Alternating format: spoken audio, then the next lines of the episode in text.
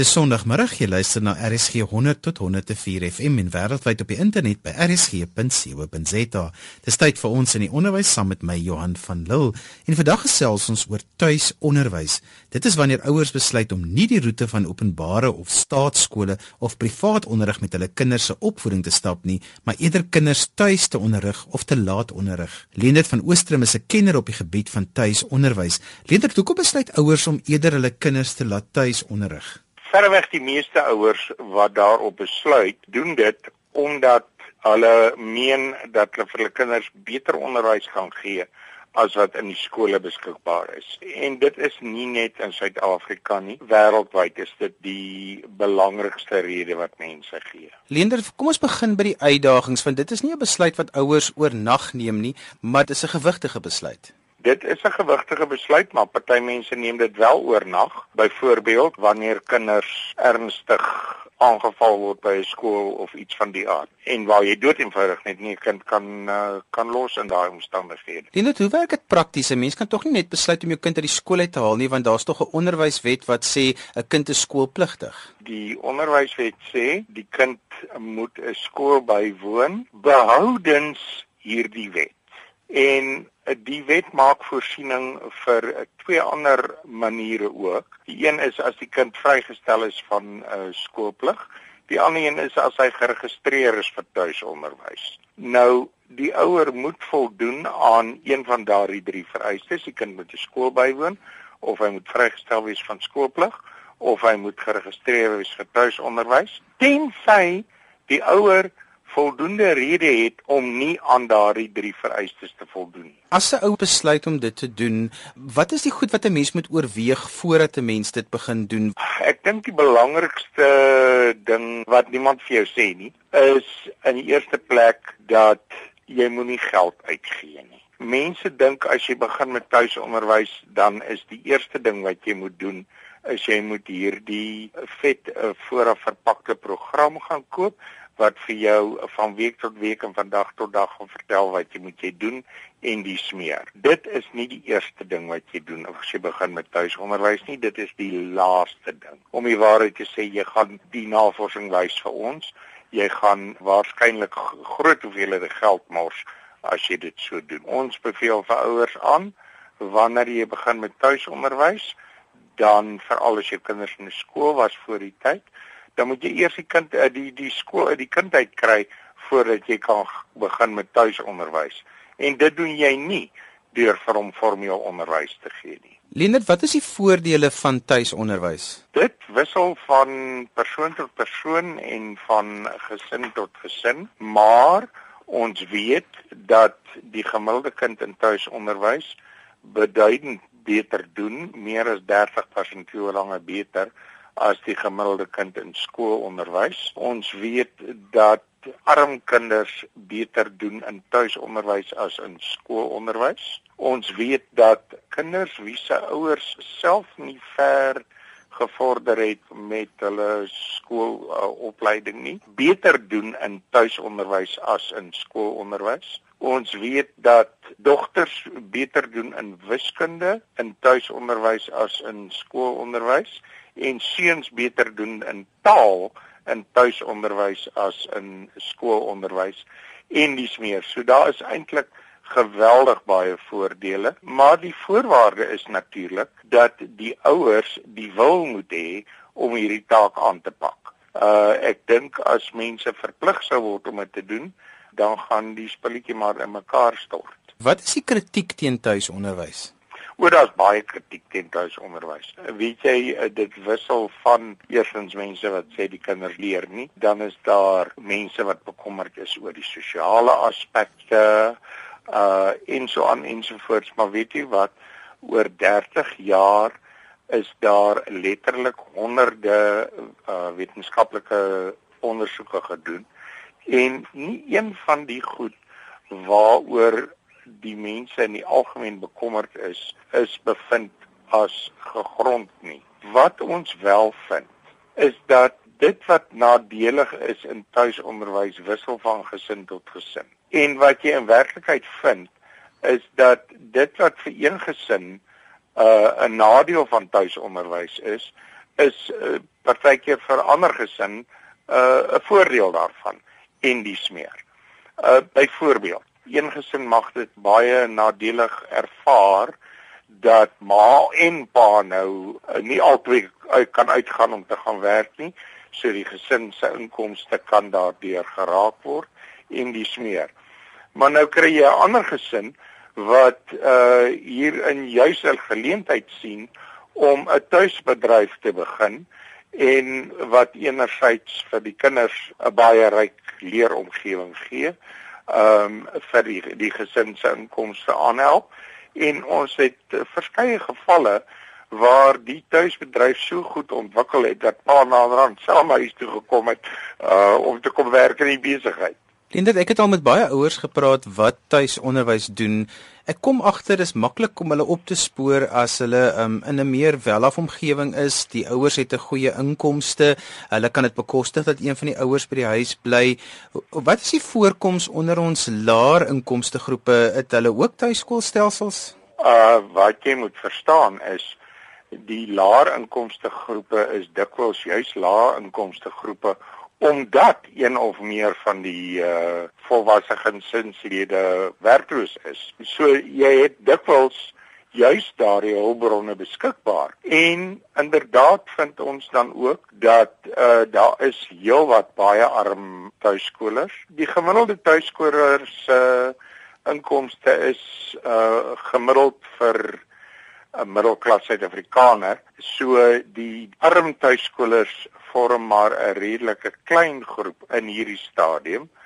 Maar uh, dit is ook besig om toe te neem. Lendert, hoe vaar kinders wat getuis onderwys is op universiteit? In Suid-Afrika het ons nou al geweldig baie kinders wat tuisonderwys gehad het wat op universiteit is en uh in die algemene uh, lyk dit asof hulle baie goed vaar. Ek kan wel sê dat in die FSA byvoorbeeld en in Kanada vind ons deesdae die verskynsel dat jou voorste universiteite die tuisonderwysgroep teiken as deel van hulle prioriteitswerwingsvelde. Saam met byvoorbeeld tipies in die verlede was dit altyd hulle het gekyk na die kinders wat baie goed akademies presteer dan hulle kyk na die uh sportpresteerders en dit was die ouens wat hulle geteken het vir uh verwerwing.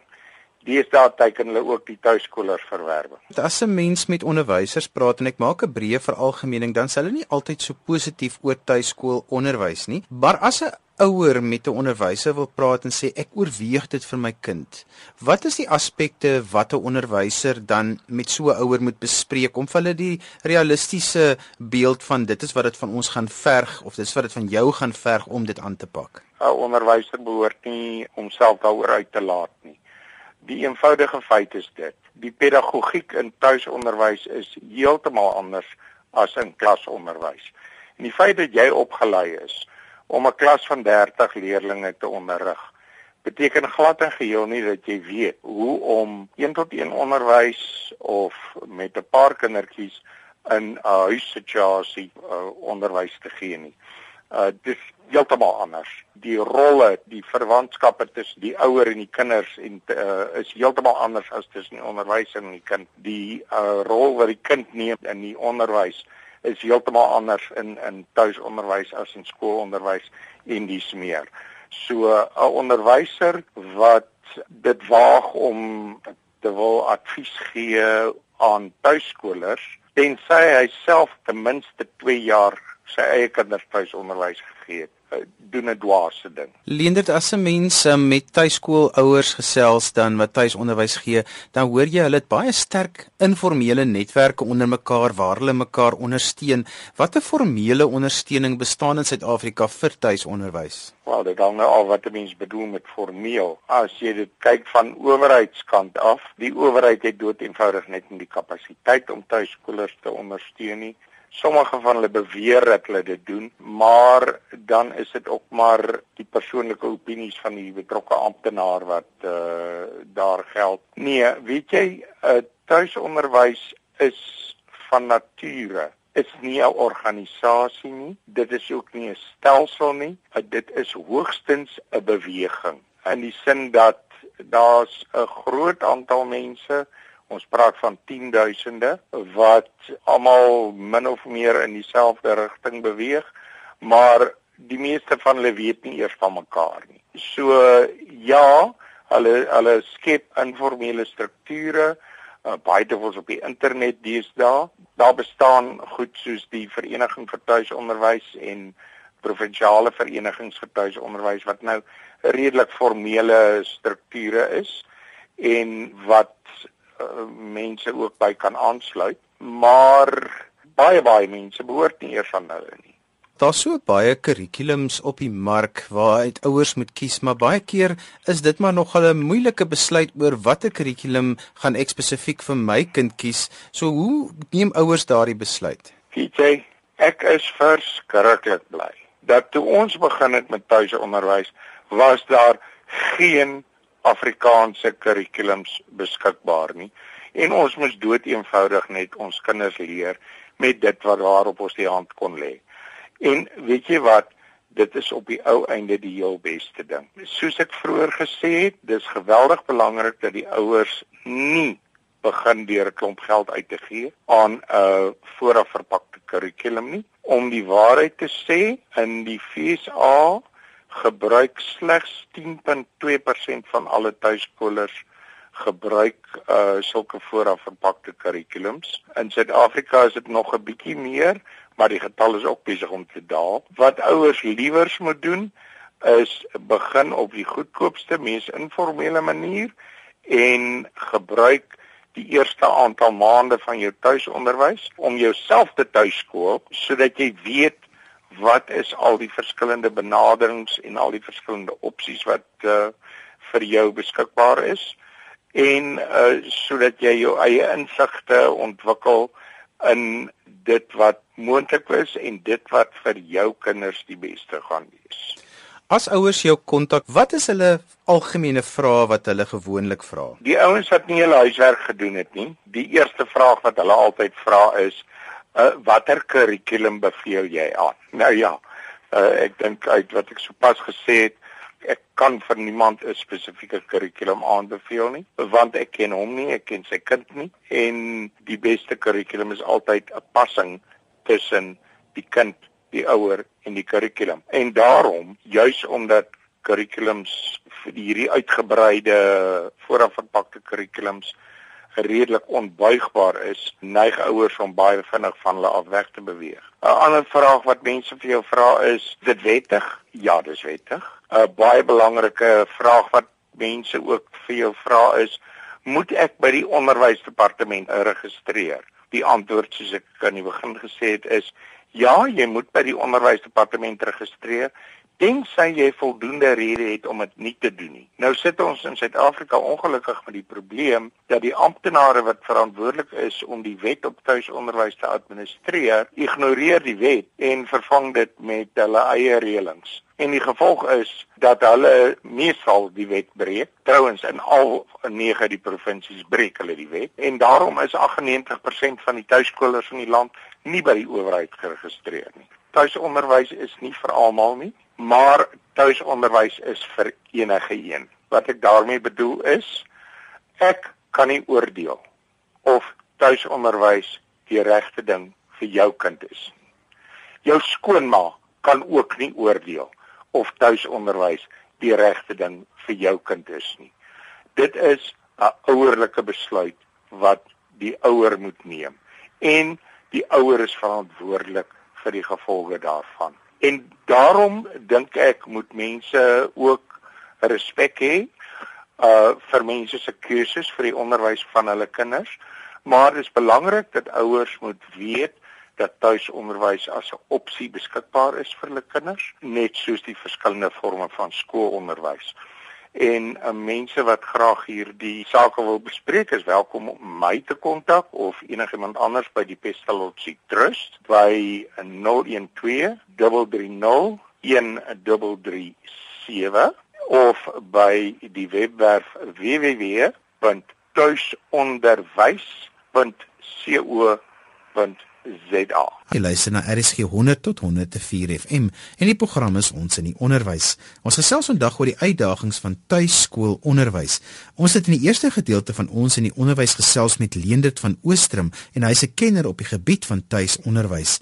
Yvonne Adams van Mitchells Plain het etlike jare ervaring van tuisonderwys. Yvonne, wat het vir jou laat besluit om jou kinders te tuisonderwys?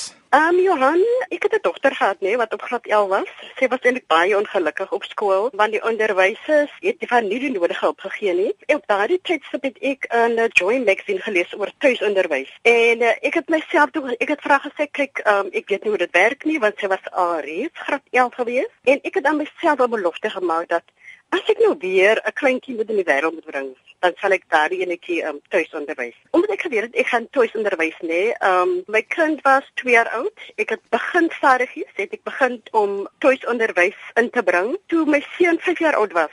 En my onnugtering was gewees O, oh, dis is dis is reël. Ek moet nou 'n besluit maak om om te tuis onderwys. Ek het ook besef dat ehm um, kyk as ek nou gaan tuis onderwys, dan is dit nou vir altyd. Ek kan nie kop uittrek nie. Ehm um, so die onligting was vir my ook gewees, uh um hoe maak ek? Wat maak ek? Ek het nie geweet van ondersteuningsgroepe nie. Ek het niks van geweet nie. Op daardie tydstip het, het ek begin te Google en ek het gehoor van van Pesalosi Trust en ek het toe begin uitvind hoe werk dit? Wat moet ek maak? Leender dit hy was baie baie behulpsaam. Toe Leender my vertel van die tuisonderwys. Wat ek toe begin doen het nê, ek het begin ehm um, na biblioteke toe gaan um, want die um, department van onderwys hulle, hulle het ook 'n kurrikulum maar ek het begin met biblioteke boeke gaan soek daar um uh, gelees hoe moet ek maak en dit is eintlik waar ek begin het met tuisonderwys deur die biblioteek uh, om te gebruik te maak van die biblioteek se boeke. Yvonne, dit is nie 'n maklike pad om met jou kind te stap nie want um, jy moet baie prys gee om dit te kan deurvoer, nê? Nee? Dit is ja, dit is dit is baie prys gee, um, dit is baie oorweldigend um, om om te, te om te tuis onderwys. En dit is eintlik waar die uh, um die ondersteuningsgroepe eintlik inkom want hulle as jy 'n ondersteuningsgroep behoort, hoor jy van ander mense se probleme. Uh um jy jy uh, idees wat uitgeruil. Jy sit met 'n probleem as 'n mens nie in 'n in 'n in 'n ondersteuningsgroep is nie. Um en daar kom 'n probleem op. Ons weet nie hoe om dit hanteer nie, maar wanneer ons in 'n ondersteuningsgroep is, dan word daar idees um, uitgeruil en uh, um en dit is eintlik waar ons leer, ons ondersteun mekaar en dan lewe word eintlik makliker. Maar dit is nie 'n maklike pad nie, maar dit is regtig werd om 'n kind te, te om te tuis onderwys. Wat was vir jou dit wat dit vir jou die moeite werd maak? Wat is die positiewe aspekte van tuisonderwys vir julle as 'n gesin? Die positiewe was uh uh weet jy uh, um ek het gesmet self gevra hoe gaan my kind uh 'n gewone sosiale lewe het. Maar ek wil vir u sê uh, uh, um, die positiewe saak van uh, van van my kind te onder tuisonderwys.